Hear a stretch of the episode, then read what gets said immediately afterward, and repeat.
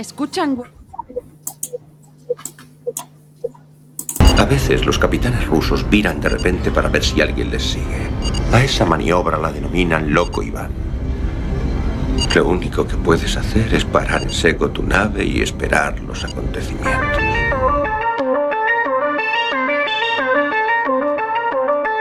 Galasphere 347 of Space Patrol calling unidentified ship. Boa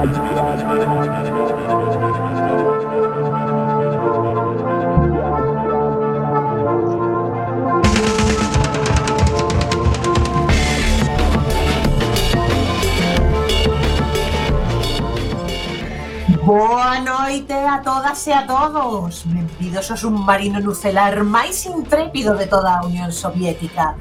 Como ben sabe a nosa espírita audiencia, o mal está por todas partes están os xurados televisivos, está na informática que nos confunde facéndonos votar o que non queremos, está no destino cruel que mata marmotas facendo que se alongue o inverno, está nos submarinos que piratean o sinal de Quack FM para poder chegar ata vostedes, que alguna verá. O mal, por suposto, está tamén nos gatos e nas segundas partes, que como todos sabemos, nunca foron boas. Así que hoxe teremos segunda parte do tema Interruptus da semana pasada. Gatetes del mal, segunda parte. E virán acompañados de outros bechos malignos.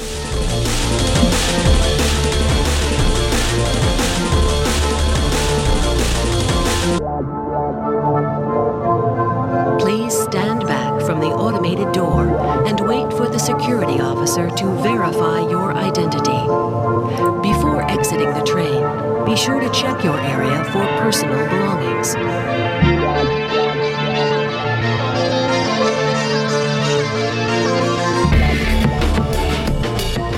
Todo isto non sería posible sen o señor Bugalov na sala de máquinas. E se no Tovariches Mendreyev desde a biblioteca cuxa porta xa non chía nunca, por certo. Viva! Vivan todos vostedes! Boas noites a todos e todas. Vivan as pandereteiras. Vivan as tetas. E que morgan os xurados traidores. E tamén será posible cando se digne a entrar eh, da, grazas a Bolseira Mirova que despois de dirixir un motín hai dúas semanas non apareceu a semana pasada a dar a cara diante da capitana e iso non pode ser hai que holdear con dos cojones En fin, para vos a malvada Beosca que faltando a capitana dirixirá o malvado motín de hoxe como sempre Isto é loco, Iván? Comezamos!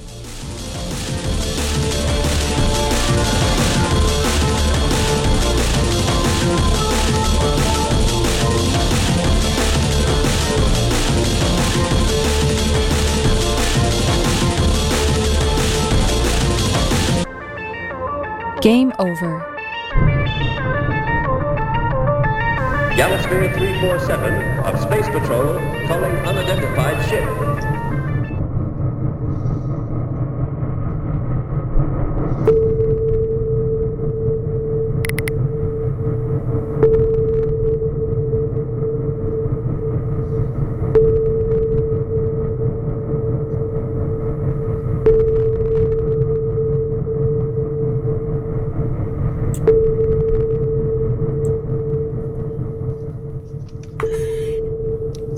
Esta semana sucederon cousas malvadas, sucederon cousas boas, sucedeu de todo.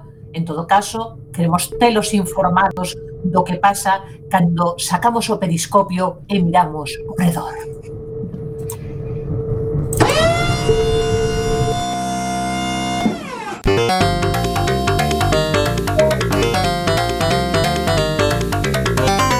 FM. Loco Iván. Periscopio.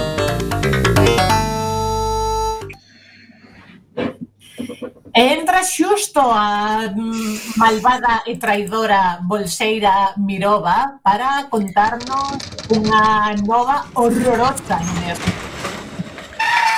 Pois sí, pois sí, creo, creo que chego a tempo.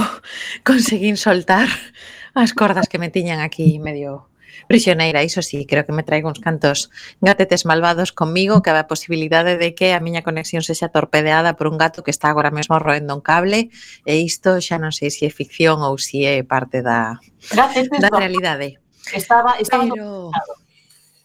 Estaba todo pensado. Aquí está claro que non pode amotinarse dúas veces seguidas sin que sin que lle pasen cousas. Eh, o caso é que, bueno, non falemos máis de min, falemos dos plans, dos plans que temos por diante eh, nestes vindeiros días. Eh, ou que acaban de acontecer, como por exemplo, eh, este gran descubrimento que se que viñemos a facer esta semana, ¿no? Esta semana publicouse eh, Rojo, Spanish Horror Experience, un xogo de Miguel Moreno, un xogo online de Miguel Moreno, onde terás que entrar bueno, é que é unha fantasía isto, a min encantoume moitísimo. Terás que entrar no piso dun franquista nostálxico na procura de pistas para atopar a unha amiga que desapareceu hai uns cantos días.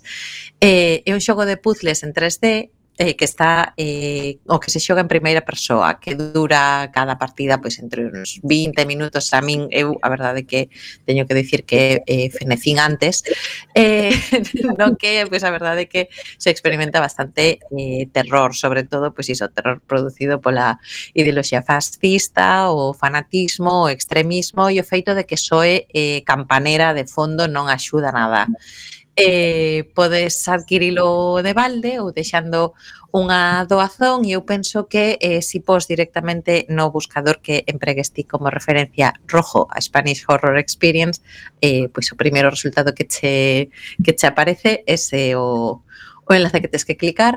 Eh, eu fixen unha pequena doazón porque me parece que é unha, unha cosa así bastante... Moi ben, bastante... unha cousa é ser malvado e outra cousa é ser cutre. Non o lembro, Efectivamente, e despois, que quero dicir, para tres maravedías que teño, pois mira, eh, na miña fame mando eu, non? Entonces, non, sai, pues, non, eh, sai, non sai Manolito Gafotas, Manolito Gafotas, porque eu, claro, cando escoito campanera, estaría buscando a Manolito Gafotas todo o rato. Igual tamén. exactamente Eu tamén non aparecen, podo dicir, ou polo menos eh, ata onde eu cheguei non apareceron ni Manolito Gafotas nin Elvira Lindo, que son cousas que eu pois teño que... El imbécil. Bueno, pero é unha mágoa. Que, que podería ter aparecido, eh? porque Manolito Gafotas é así como como moi integrador no sentido que todos temos na familia un Manolito Gafotas. Eu penso que tamén todos na familia temos un facha destos devenidos, que hai moito tamén. bello facha neste país, que, pois, claro, que realmente se te vas a buscar as cousas bellas que tens, que ten, pois, poderás ter unhas sensacións similares ás a vídeos só este. Manolito Gafotas ten unha cousa moi boa, que é de Carabanchel alto. Unha aperta a todos os nosos ointes de Carabanchel. Ala. bueno, Carabanchel alto, Manolito, Carabanchel alto. Manolito Gafotas ten cousas moi maravillosas. Eu, eh, o feito de que a un dos teus mellores amigos lle chames Orejones López e outro Oscar Mayer, a min pareceme maxia absoluta. E Susanita Bragas Sucias, o sea, eh, de verdade, todos os personaxes desa, desa Troop me parecen eh, unha fantasía, pero bueno, o meu favorito sempre será o avó de Manolito Gafotas. Ah, o personaxe me parece eh, maxia total. A mí gusta moito un personaxe que non sae nos libros, pero si sí saía moito nas radios, que era Astasio.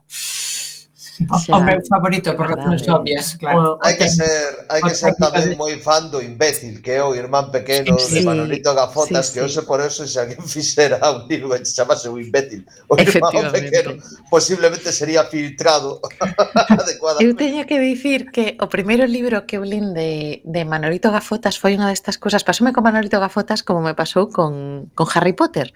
Eu cheguei a eles a través eh, a través de agasallos que lle fixeron ao meu irmán e que o meu irmán pois decidiu deixar de lado eh, no seu momento, en plan, bah, isto eh, non me interesa.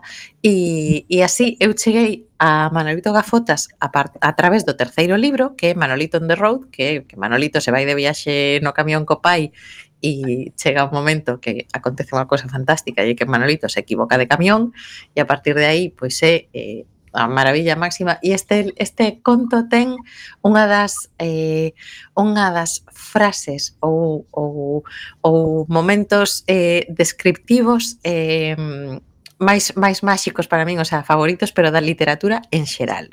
E é que hai un momento no que eh, a nai de Manolito pois lle dá unha colleja que destas cousas pois que a día de hoxe pois tamén eh, pois, tampouco estarían moi ben vistas. Eh, e Manolito está comendo choco crispis entonces os Choco Crispy saen disparados e a descripción é que saen eh, proxectados como pues como balíns eh, cara, eh, fronte, o sea, na cara do imbécil, ¿no? Entonces, pues a min aquilo me parece, o sea, a idea dos Choco Crispis perdigóns eh, disparando ao seu irmán me pareceu, pero destas cousas que son eh, visualmente, pois, pues, tal cual. Pero eh, unha cousa, Manolito Gafotas é alta literatura, ten o Pérez que verte sílofa probal, ou é Ou é como Fray Perico e sube aquí con unha cousa infame? Era... Eu penso que vai ser vai entrar nesa categoría na, de cousa Mais ben Fray Perico, sí. sí. sí cabe, a posibilidade, cabe a posibilidade de que pase con Manolito Gafotas como pasa con a maioría das cousas, así que eh, si me gustan a min non lle gustan a Pérez Reverte e ao revés. Entonces, pode pasar, pues, pode pasar. Moi Salgo ben, a tarta contesa, teño, teño que saber. Ben, despois Pero bueno. un minuto de nova e cinco minutos de desbarre, imos ver Amén, se nos superamos coa segunda nova desta sección periscópica. Cámara Desmendrellev, contenos. Ai, eu pensei que seguía Mirova, pero aí vou, eu vou moi contento. Que saiban vostedes que onte se publicou eh, Soños Frikis, a última entrega de Super López. E con isto podo botar outros 10 minutos de desvague, porque mira, capaz, encantábame, e ainda me encanta Super López, de a puta hostia. Todos sabemos que está de puta madre. Bueno, o señor, penso que tamén terá que ver, que con 82 anos pensará que xa gañou, e xa escribiu o seu, que lle Gloria eterna, claro que oh, sí. sí. Gañado tengo descanso de dicir, bueno, agora disfrutar do que do que traballei, non? Entón, pois, diso que sería de cadeira. Hai que ter en conta que este home que levaba 49 anos debusando como un campeón eh, pois que chegou a publicar 87 álbumes diferentes. Wow. Eu non podo dicir que os lera todos, o cal me dá moitísima pena, porque eu, sabes, é a típica cosa que se encantan de pequeno, sigues de adolescente, na xuventude les algún máis, e logo olvidaste do asunto e pensas que só liches todo del, e, e non, sabes? O sea, que para nada, tío. para nada Pero hai algúns míticos que creo que temos todos na cabeza, como, por exemplo, bueno, eh, o señor dos chupetes, por favor, eh, os cabecicubos, a gran superproducción, hai algúns que xa son, xa pasan a ser alta literatura, quero dicir, son tema Total. histórico. Non, creo que tampouco lle gustaría na Pérez Reverte. Era o que ia dicir. No, que lle va a gustar esa merda, no. Super López. Seguro que non claro. entendería a pichuquina negra, é que é todo. Consta que eu, o que máis me lembro sempre, porque aparecen casi todos os tebeos, a mí de pequeno facía que casi a Bárbara, é Super López no metro, medio dormido, indo a traballar, que é un héroe, un heroe proletario dos que ten que os que ten que dañar as lentellas todos os días, dicindo, e unha vez máis nuestro héroe con su acostumbrado dinamismo, eu te digo. Sí, hai que decir, hai que, decir que entre, entre moitísimas cosas boas que ten Han, é que é berciano. Que o Ah, claro. Eu pensaba que era catalán. É berciano de Toral de los Vados, nada menos. Eu tamén, eu tamén pensaba que era, que era ah, catalán, fíxate. No, sí, pois sí. non. E resulta que Super López cumpriu 49 anos. Mm, Anda, sin conto, eh? Claro. Mm. Aí está. Sí. Ah, pero iso implica que Super López naceu cando Elsa era un home maduro, non? Porque no, no ano 73, cando el tiña 30, 30, 20, sí, 30 Non, tiña que ter máis, porque se ten 82 ahora o señor, pois eh, tiña 42. Sí, 30, sí, 30, 32, 32, sí, 31. Sí, por aí. Bueno, e O despois 21, deste non sei. exercicio penoso de matemáticas, por favor, Eu non quero dicir Entra nada, nova. eu non quero dicir nada, pero levo calado un rato esperando a que alguén dea coa cifra exacta, sabes? Eu segui de aí entre vos, que mentre non me pongo, me a fago... mitade, a mitade de 82 eran 41, o mellor cambiou a movida desde que eu era capaz. Igual que verte ten algo que dicir. Terá, terá, seguro, sempre ten cosas que dicir sobre todo. 33 anos tiña. Ah, pois mira, era fácil, como a Xesucristo. Menos un mes. Antes de Cristo nace. Venga, muy novas. Pois, pois nada, eh, vamos a ver, para rematar así co, este, co periscopio máis longo da historia do universo, eh, este vindeiro venres, Benres, eh, e eu por enlazar un pouco, eh, xa que antes falaba de, de originariamente de fachas, ainda que despois me fun a Manolito, que, que, que no, eh, para enlazar un pouco co tema facherío, pois veño contar unha eh, contrainformación, no? O Benres 11 de febreiro, vindeiro Benres, se estás escoitando isto en directo, eh, sabede todos que haberá na sede da Fundación 11 unha conferencia baixo título Memoria Histórica con Joan Tardá, sí, o experto de Esquerra Republicana de Bigotes Zapatistas, presentada por Luis Fermín e moderada por unha persoa que se chama Antía Paz, que a mí, pois, personalmente, non me soa de nada. No. ver, iso que... que... Que, por certo, Joan Tardá podía ser doadamente unha personaxe de Super López. Eh? Verdade, sí, sí, sí ten, ten un perfil bastante bastante cómico referíndose a cómic. non quererei dicir eu outra cousa nin ofender nunca este señor. Como de que, eh, eh, teño aí o medo de, de que sexa Eu vexo aí por Barcelona, aí con Super López voando. Sí, sí, sí, vexo, vexo. Pois veña, continuamos en Cuac FM 103.4, continuamos en Loco Iván e hoxe estamos aquí para falar de Gatetes do Mal and Friends.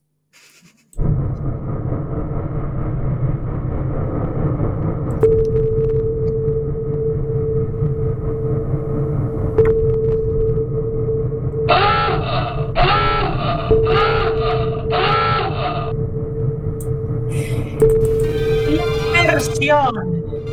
Inmersionámonos no mundo dos gatetes do mal. Eh, Camarada Mirova, por exemplo. Dame carrete e deixame tirar millas. Pois, pois nada, xa que eu fixera os deberes o outro día e a actualidade se comeu o meu tempo, como adoita acontecer, non, non volvo to en cara, eh, pero creo que saibades que, pois, pois que llevamos facer. Eh, en fin, as bolseiras pois somos así, eh, somos, somos eh, de usar e tirar, que llevamos facer. Eh, pois eu o que viña a contarvos hoxe, xa que estábamos a falar de gatos, eh, pois teño que dicirvos que me parece increíble que o outro día deixáramos atrás a un dos gatos máis malvados. Se non non houbo tempo para meter máis gatos. Non, non, sí, sí, Metimos sí, sí, dous no, porque eran siameses. Xa, xa, no, eu eu creos, ah, sabes, eu creos. Eu non o vou tomar, non o vou tomar polo persoal, pero de verdade que me parece eh, me parece increíble que entrasen os dous michos espantosos da dama e o vagabundo e non falásemos da señora Norris. O sea, me parece fatal. A señora Norris, para que non o saiba, o sea, se hai alguén que non o saiba, pois que apague isto e que se poña a ler, porque a verdad eh, non podo entendelo, a señora Norris é a gata de Filch, o conserxe cruel e sádico de, Hogwarts. do colexio de Hogwarts, claro. Son tal para cual. Pois pues tal cual. Ademais de que, o sea, esa gata sí que é a gata do mal. Hai que dicir que nas pelis era unha gata ben bonita, eh? Pois sí, por certo, eu eh, a imaxe que tiña, pero isto pasa moito, non? Cando les un libro faste unha idea e cando despois eh, ves a película, pois é a idea pois de outra persoa que, que tivo unha idea diferente a túa e que normalmente no meu caso non adoitan, non adoitan coincidir. Eh, bueno, o caso é que esta gata, a señora Norris, exerce un pouco de, de sidekick malvado aínda máis malvado do conserxe, eh, facendo a meirande parte das veces de espía chivata, delatando a todo aquel alumno ou alumna da escola de maxia que estivese pois fora da cama de xora ou facendo algún tipo de, pois, o que sei, falcatruada máxica inofensiva, pero bueno, que a cousa que a gata esa pois era eh, unha gata espantosa. Estamos absolutamente en contra da crueldade animal, isto quero dicilo aquí, pero eu teño que recoñecer que cando no segundo libro a señora Norris, isto espero que non sexa un spoiler para ninguén 20 anos máis tarde, eh, cando no segundo libro de Harry Potter a señora Norris é petrificada por un breve período de tempo, houve unha parte de min que sentiu bastante ledicia e alivio. As cousas como son, non me oculto. Bueno, pois eh, foi unha cousa temporal, tampouco nada definitivo. Claro, quero dicir, non sufriu ningún, ningún gato un pequeno sufriu... castigo por, a, por ser tan para que pense un pouco as consecuencias. Non hai que ser unha gata de la tora, non hai que ser un gato que rasca no sofá, por favor, xa está ben. Eh, e eu penso que outro día, outro dos, dos, dos gatos que deixamos atrás era eh, pues precisamente este outro gato que non me podo creer que ninguén falara del, aínda que non nos dese tempo. En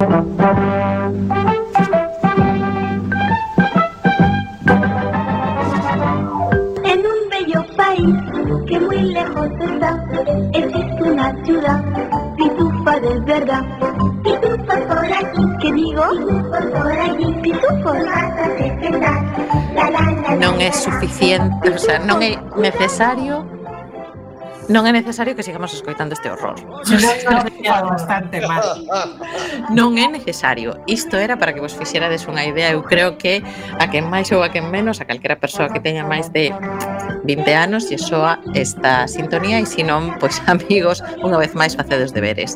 Eh, a cousa é que eh, isto, para quen non o identificou, era a, a sintonía dos pitufos.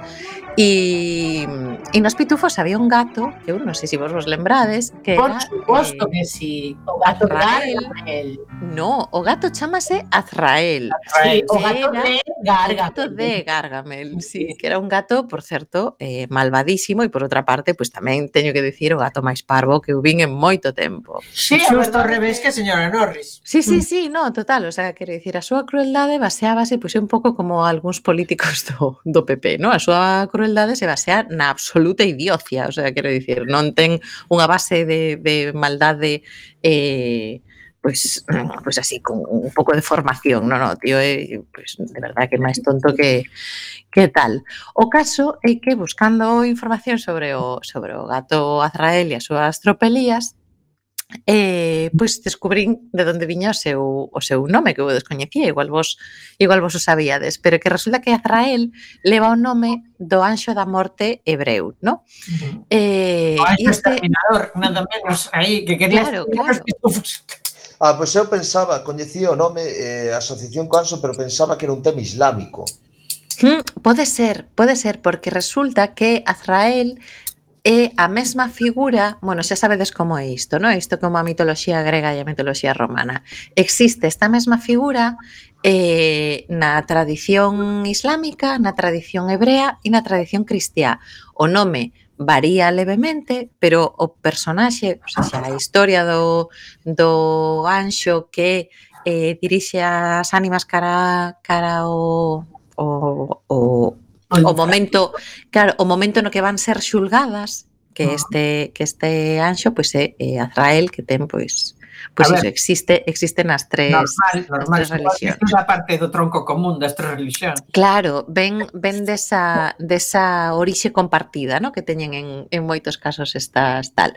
Pero bueno, sin querer por meu moi intensa, viña a contarvos a contarvos que o parvo de Azrael eh, pues a mí me parece personalmente pues un gato así pues eh, pues con moi pouco criterio eh, e eu extraio pois dúas reflexións do seu, do seu comportamento no? que ou pasa moita fame ou, eh, ou moi malamente tiña visión este, este bicho, porque xa hai que ter estómago para comer eh, pitufos que son de cor azul por si alguien no se lembraba de que eran de cor azul. O sea, a min algo que é de cor azul, pois non me apetece así de entrada, pois botar yo dente.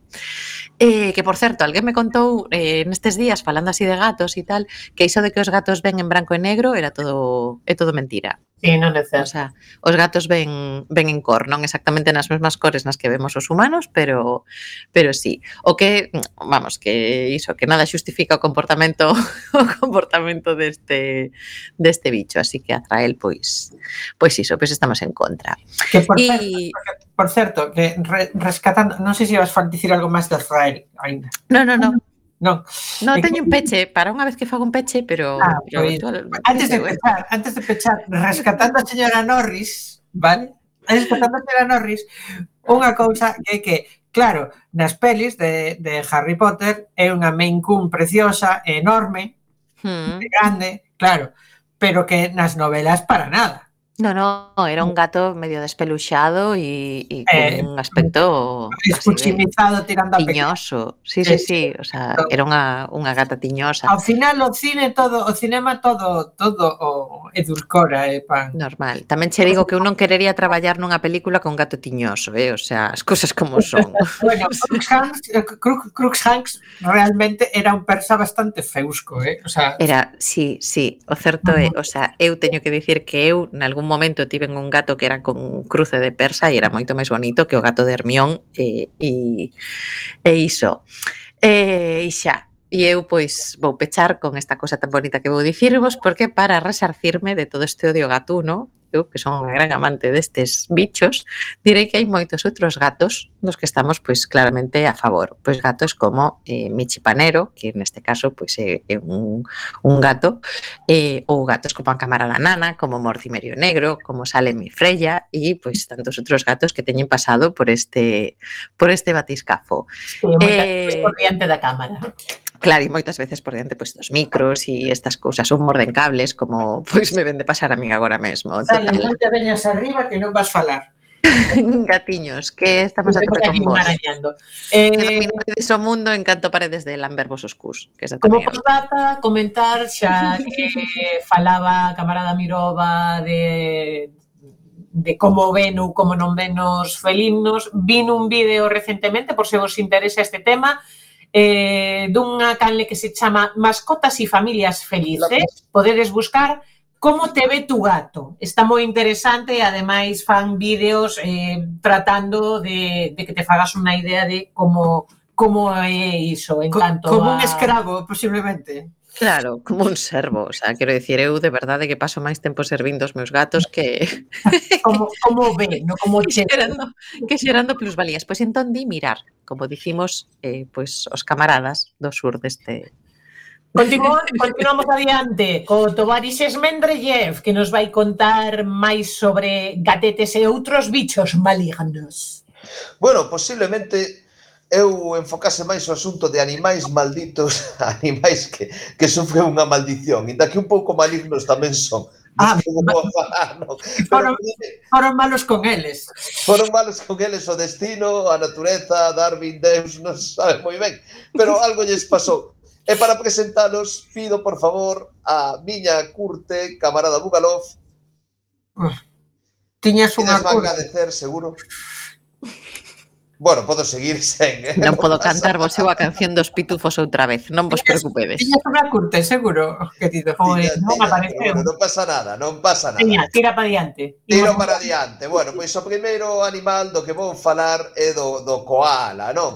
De feito, penso que case mellor se se perder a curte, porque Inda que eu tratei de buscar algo que tivera que ver cos koalas dentro do tema musical, só atopei dúas opcións. Vale? Un oso caedor, que diría que diría Terry Pratchett, non? Exactamente. Unhas era o mítico koala que fixo pa Voy a un corral, que foi hace 25 No, por Dios. entón, pois tanto que tanto que vos salvades e a outra era a banda sonora dunha olvidable serie de debuxos animados do 86 chamada Mofli, o último Mofli. koala que de pequeno oh. me daba moito medo Eh, e polo que vexo parece que non era o único, porque era unha serie un pouco peculiar, porque realmente había un indefenso koala que vivía en árbore, que si sí, extinguir, porque era o único puto koala que había, non había koalas femias, non había outros koalas machos que xogar ou que fose tampouco. Que trauma, Dios Estaba aí un pouco trauma. koala nunha árbore e eh, había unha nena que non quería que o matasen e un mesmo deno pensaba, eh, e que máis dá, se total só queda un, non? Pero bueno, esa, esa é outra historia completamente. Eu lembro, ah, eu lembro chorar moitísimo.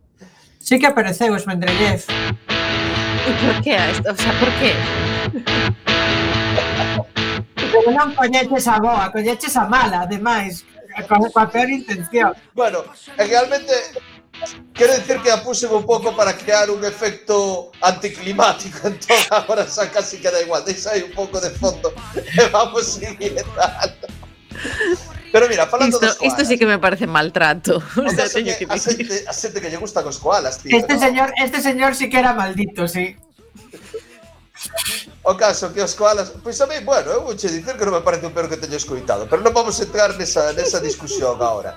O caso que os koalas a xente gustalle porque son así como peluchosos, case morren todos queimados aí neste incendio que houve en Australia fai pouco, e ten unha pinta así como como simpática de animaliño, como platero e yo, sabes, así pe, co seu peliño, os seus ollos brillantes tal, pero os koalas aparte de ser uns fillos de puta, e logo explicarei os motivos que teño para, para poder dar esta esta afirmación, pois teñen unha serie de cousas da súa bioloxía pois complexas, non? A primeira é que teñen unhas proporcións do cerebro e corpo eh, as, a máis pequena relación do tamaño de cerebro co tamaño de corpo aproximadamente o 2% do seu peso total de todos os mamíferos. O índice cefálico mínimo é o máis parvo de todos os mamíferos coñecidos, non? Pobre. Non só non só polo tamaño do cerebro, senón que ademais non sei se sabedes que a realmente nos mamíferos e outros animais como mm. nas luras non é así, pois radica sobre todo no córtex cerebral este casi non ten, o cerebro é casi liso, non é así como unha, unha aceituniña para facernos para facermos unha idea. O caso que vecho que non é así demasiado listo e tal, entón chega hasta tal punto a, a idiocia deste animal que sabedes que come follas de eucalipto, non? Sí. Bueno, pois come follas de eucalipto, pero teñen que estar no eucalipto. Quero dicir, se ti colles un montón de follas de alcolitro e a metes aí nun plato diante da saula cun koala, o koala porque de fame, porque non identifica, non asocia. Yeah. O sea, queda aí, queda aí como animal boquendo a miñoca sen facer nada ao respecto con toda a comida diante. Hai que darlle, hai que darlle inteira o caballo, non? Para que se dé para que se dé de conta. Es, Esmendrellas, todo isto estás dicindo para que promovamos algún koala ao Congreso dos Deputados, pero non imos caer nesa trampa que nos estás a tender. A ver, eh, eu somente digo que, que son un pouco como un votante de Vox, non? Que somente que coñece o seu xefe se leva moina de pana, e se non, pois, te non, te non así máis complicado. Pois isto do koala é unha cousa, pois, parecida. Mira, son tan parvos que os mechos estes non escapan da chuvia. Non sei, se queredes facervos un favor, podedes buscar Koala mollado, o koala mojado seguramente a búsqueda saia mellor en internet e podedes botar unhas auténticas guisas, non. Non saben covisarse da chuvia. Calles por riba, poñen cara de cabreados, non saben o que está pasando, non comprenden porque o universo os quere joder e aí quedan aparcados nunha pola agardando a que pase collendo unha pulmonía. o sea, a mí pasou algunha vez iso tamén, eh. Se que embargo, bueno, agarrado unha pola tamén. Pode ser. Eu a partir das 2 da mañá, quen sabe. o caso que vexo este, sin embargo, ten algunha vantaxe, non? Por exemplo, pois como ten o cerebro tan pequeno, en cambio ten moito líquido cefalocaquidio, se lles vai, porque como son tirando a torpes, de vez en cando, esvaran e caen da árbore, caen do alcoholitro, e claro, pois sabes, alcolito os 25, 30, 35 metros, sabemos como vai aquí, e se embargo non moque porque fai eso falles de acolchamento. Entre que teñen o sistema nervioso máis ben simple, e que teñen todo ese líquido facendo aí da acolchada, pois, pois non moque que tal, non? Entón, pois, bueno, unha das gazóns aparte para que o bicho non é moi espabilado é porque aparte de gustarlle as follas estas, as follas teñen estupefacientes, é dicir, causen un efecto lisérgico. E aquí todos pois, pois, convencidos de que eran tontos, sí, tontos. Pois eso, que me tenga algo de café Pobre. que pasan o día todo todo día todo día endrogados, pero aparte de eso, como ten moi poucas calorías a folla de eucalipto, pois os mechos pasan 80% de tempo dormindo porque non lles dá para facer unha vida máis activa, non? Entón están aí uh, uh, dormitando no, no alcoholito, comendo follas, Eh, bueno, outra cousa que fan tamén, pois claro, que, que veis, ser? Cagar, cagar, non? Porque se comes moita folla, cagas moita folla. De vez en cando bocan como se estivera prendendo lles lume tal. Eso sí, fibra por un tubo. Todos sabemos como unha folla de alcoholitro, non? Como unha folla de alcoholitro é dura que te cagas. Se tratas de comer así non escapar. Outros animais como os esquíos ou os gatos ou tal, pois para solucionar esos problemas que cousas duras, medranlle os dentes de cotío, non? Os, eles non, son como teñen os dentes que teñen e cando os perden morren de fame. Esa outra característica que ten o koala que fai a súa vida todavía máis miserable. A, a ver, que... estás, estás dicindo que máis ou menos o normal é que xa estiveran extintos hai tempo. Non, de feito, o raro que es... sigan vivos. Non adiantemos acontecementos. Bueno, o caso. Cando xa non é só eso, que a súa vida é que é unha merda de, de principio a fin, sabes? O sea, cando o, koala, o pequeno koala mama, como todos os mamíferos, no? pero mama pouco, porque non dá moito leite a nai. Entón, pronto teñe que dar unha especie de papilla para que o bicho poda comer. Pero claro, os koalas non teñen patidoras, entón, o fan... é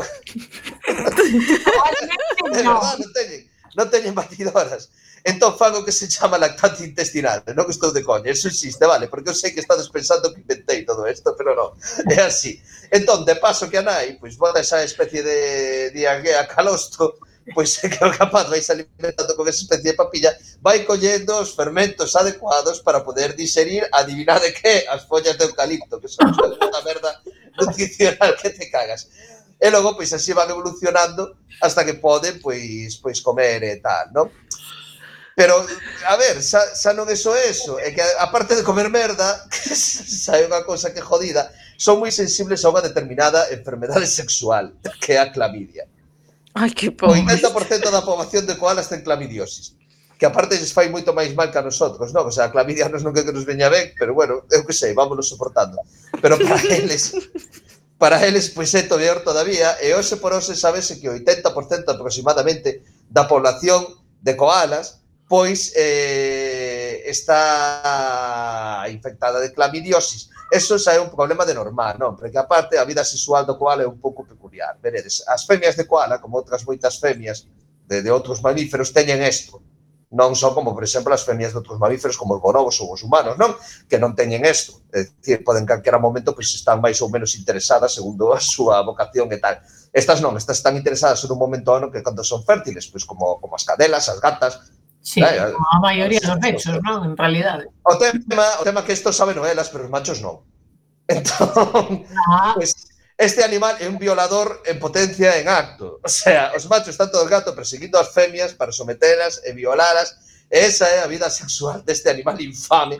No cal, eu penso que xa podemos calificar de animal maldito que come merda, practica violación, contarse a clamidiosis, cae nas árbores e ten o, o cerebro acorazado contra eso, e é tan listo como un votante de Vox e ten todas estas cousas. E aí poderíamos pensar, joder, pois vai vaya merda ser ser un koala. Sí, Básicamente. Hai outros animais, outros animais moi jodidos, non? E eu agora vou ir cos pandas, non? Caen vos ben os pandas. Home, claro. non sei Pero que tamén me caían ben os koalas. Agora xa non sei que pensar. xa me cae mal todo o mundo.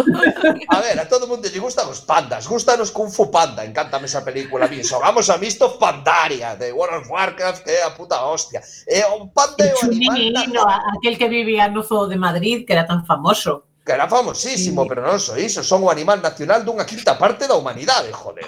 O sea, o panda a min, a min, a min fanme moitas gracias os vídeos de pandas eh, facéndolle a vida imposible aos traballadores dos zoolóxicos. Home, sí, sabes que pasa? Unha cosa cos pandas, que a xente veos así peluchosos e teñen unha mala hostia do copón. Pero, mirade, isto xa non me Non deixan de ser un oso. O sea... Bueno, sí, pero eh, eu penso que temos motivos coso normal, non? Porque oso sí, porque un oso normal... Vegetarianos e claro, andan chinados todo o día. Oh, Sendo un oso. Eh, Por aí, por aí van os tiros, camarada Bugalov. Mira se sabe por onde vai a ir o tema, porque claro, o tema do koala son come bambú, non? O sea, estos simpáticos brotes que pensamos que nos gustan cando imos ao chino e nos dan fritidos en aceite, ben mollados en salsa de soja, pero cruz saben a cartón e sequera do reciclado, sabes, son a puta merda.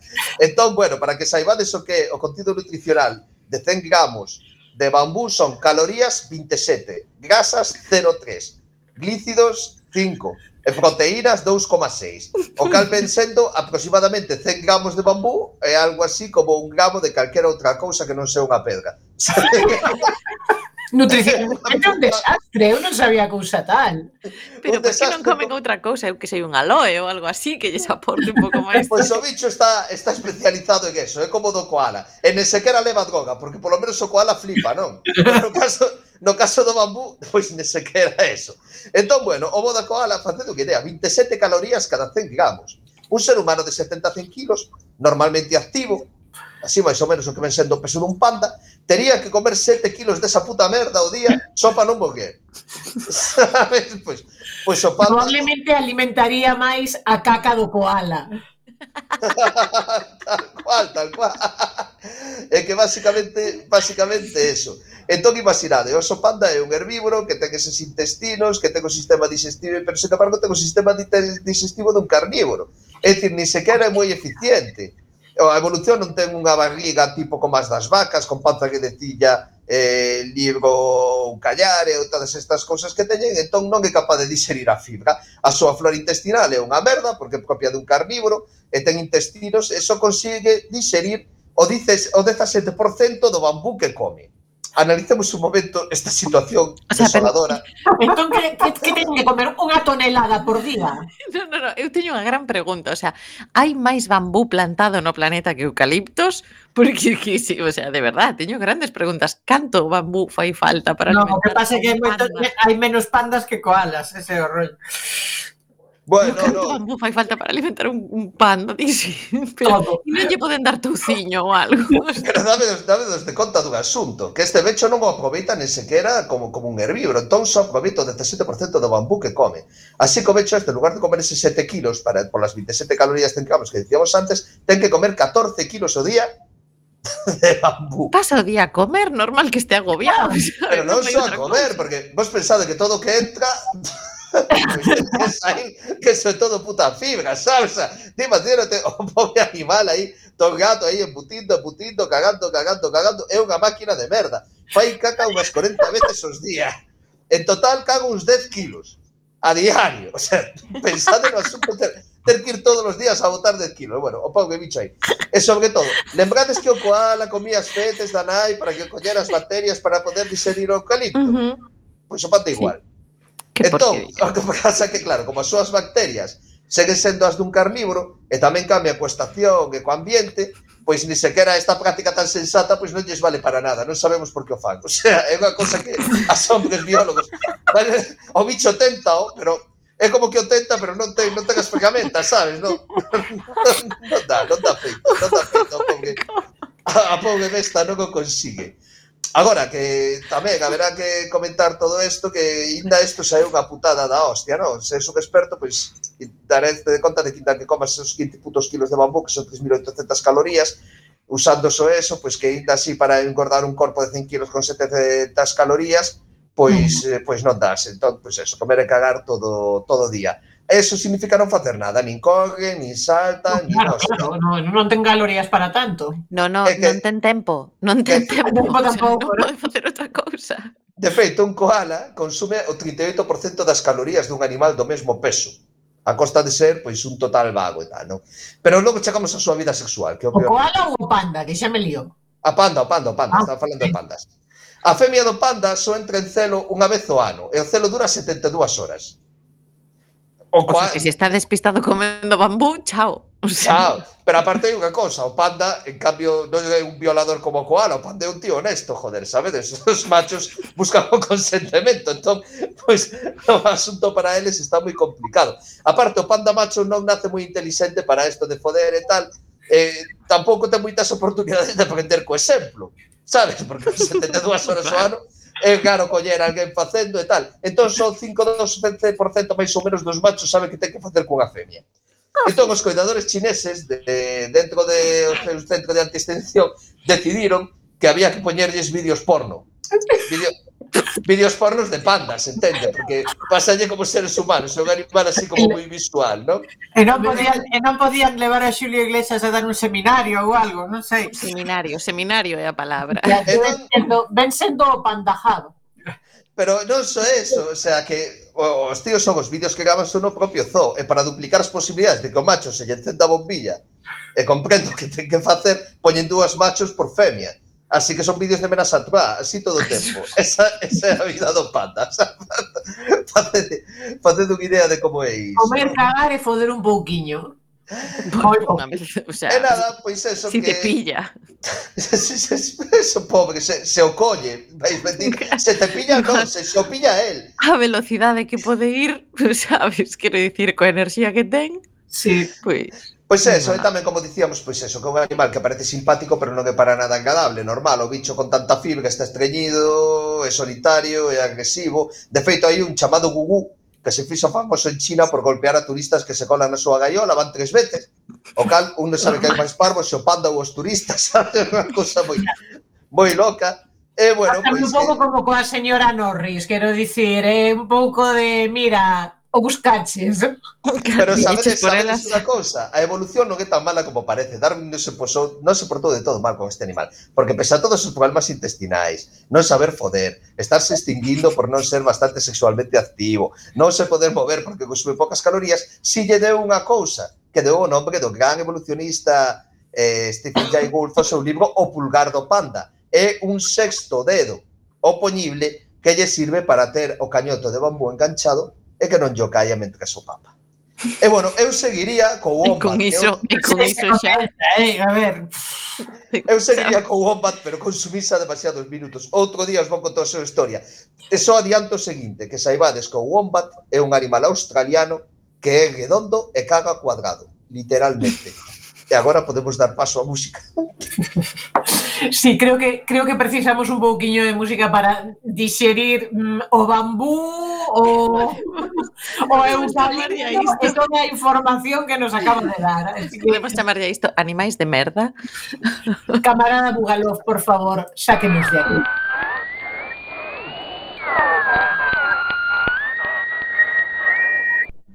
Bueno, pois eu volvo aos aos gatos malvados, vale? Despois, o sea, xa nos falou, xa nos falou os Mendeleev das víctimas, eu vou falar dos, dun gato verdadeiramente malvado. Que ven sendo aquí este señor.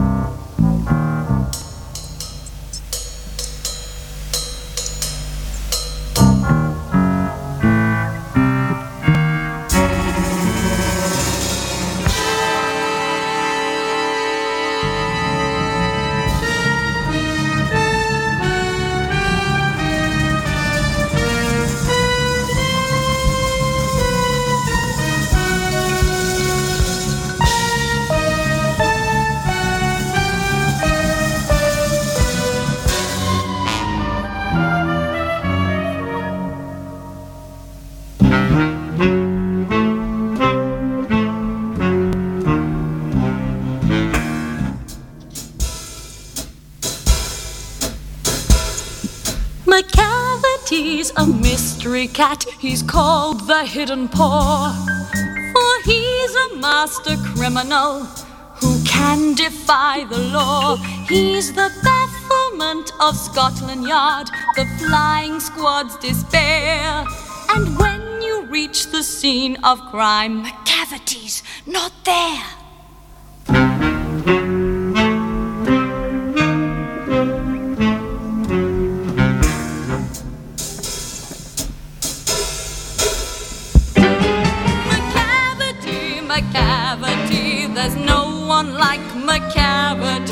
He's broken every human law, he breaks the law of gravity.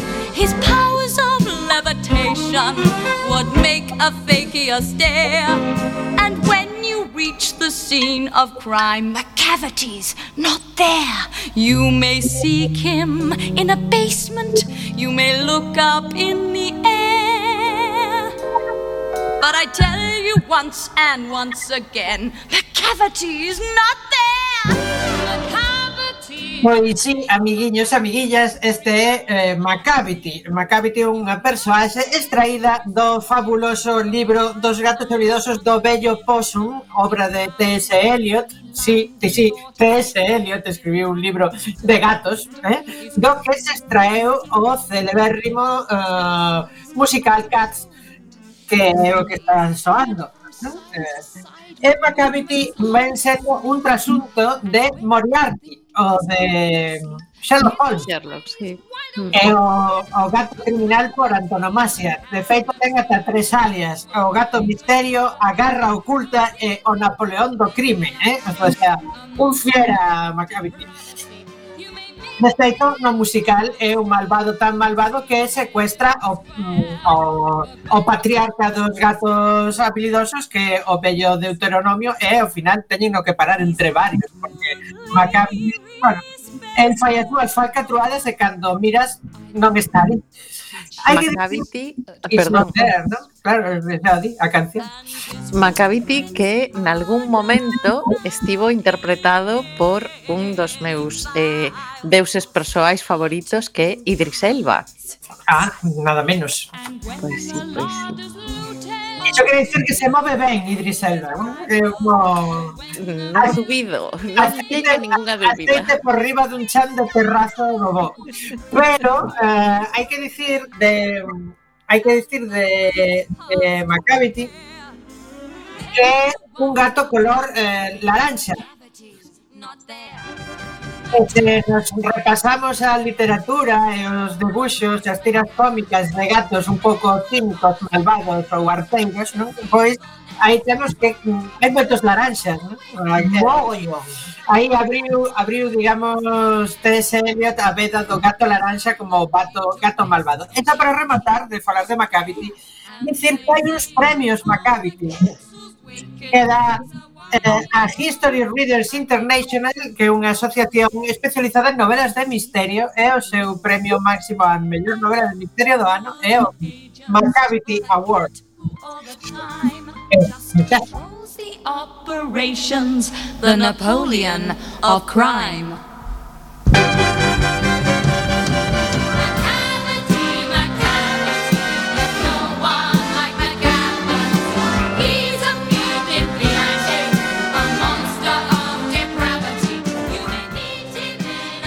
Pois continuando con gatos malvados, eh, gatos macabitosos, temos que falar de Gribo. Volvemos, por suposto, con Terry Pratchett, porque neste programa hai que volver habitualmente a Terry Pratchett e eh, o seu mundo disco. Como ben sabedes, Gribo é o gato de Tata Og, Eh, ese nome tan extraño que algunha vez foi traducido por Mandón, pois porque non tiña ni, ni idea de como demo traducilo, eh, resulta que ven do inglés mm, un pouco como greasy boy, eh, como mozo grasiento, eh, que é como lle chaman, pois, eh, por exemplo, a, aos moteiros ou a, a xente que se dedica ao rock, xa sabedes, coiro, melenas, todo isto, e entón enseguida... Nunca vimos, nunca Pero vimos tal cousa. Viña de que usaban a gris, bueno, gris chaman esa vaselina que utilizaban para facer o peinado este de Travolta, non? Efectivamente. Uh -huh. A brillantina. Sí, sí, sí. Aí, eh, pero bueno, claro, porque eso en sí mesmo é como grasa, entón é como ser grasa xento, pero bueno, xa sabemos que, mm, que teñas eh, melenas despeinadas e vistas de coiro non quere dicir que sexas graxento, o que pase que hai xente que eso, que te ve, pois, mm, vestido de coiro ou cunhas rastas e decide que non te lavas. E bueno, unha cousa... O que non pode ser deputado. Por exemplo, exactamente. Eh, no caso de no caso de Gribo hai que dicir que sí, que, que mellor, mellor que non sexa deputado Gribo, sí. É enorme, gordo, feo, gris, cheirento, buscabullas, eh, está cheo de cicatrices, falta un ollo, din que a súa cara ten forma dunha masa de pan tras pasar 20 días a intemperie.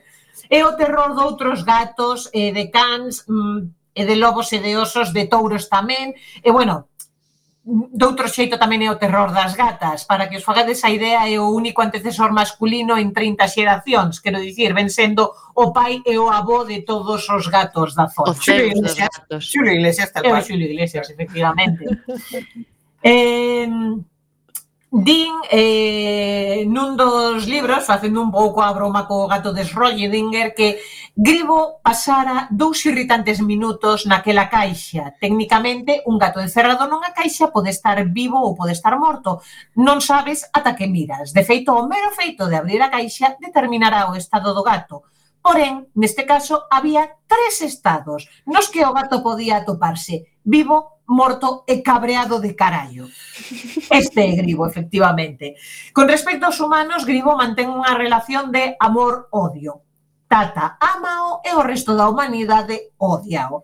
Ademais, Tata ten esa concepción tan de humano con gato de ai, meu perriquichiño, que tan mono, que non fai nada, que, que, que suaviño, que como un ano mentes o resto do mundo di, quita, bencho, soltame a perna, non me arañes. Bueno, pois, ese tipo de, de relación. Eh, nun dos libros foi convertido en humano polas bruxas, por necesidades do guión, xa sabedes.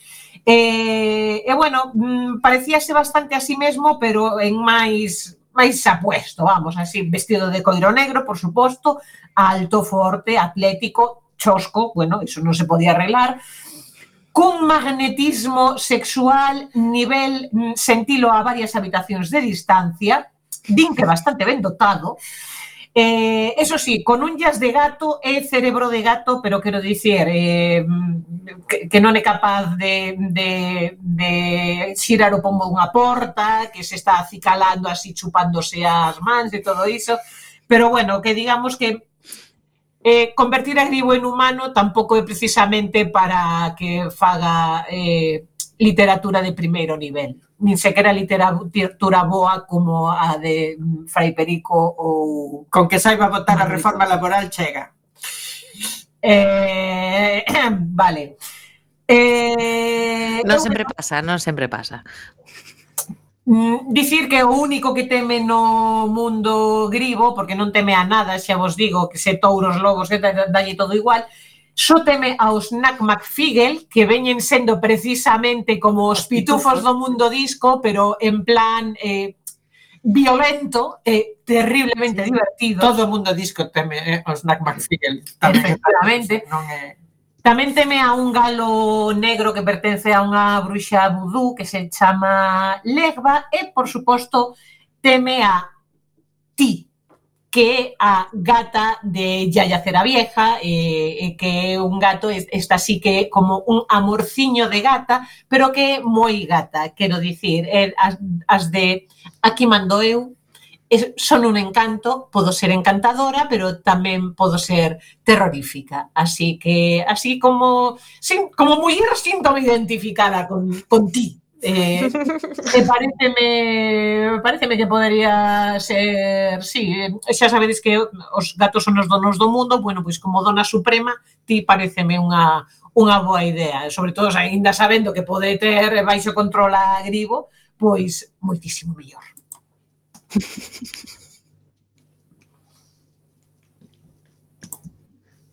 e xa está. Non queres rematar o programa de hoxe. Non queremos rematar, non queremos, queremos saber máis cousas sobre Coplas. Queremos quedarnos aquí con todos vostedes, queremos seguirlles falando de animais extraños que teñen unha vida horrorosa e que todos vimos un montón, pero seguirán chegando, seguirán chegando en no futuro, en próximos programas. Mentres tanto, aproveiten a súa fin de semana, coídense moito, leven a... Bambú. Sí. Que beban moito vodka, pero con moderación. Vémonos a semana que vem.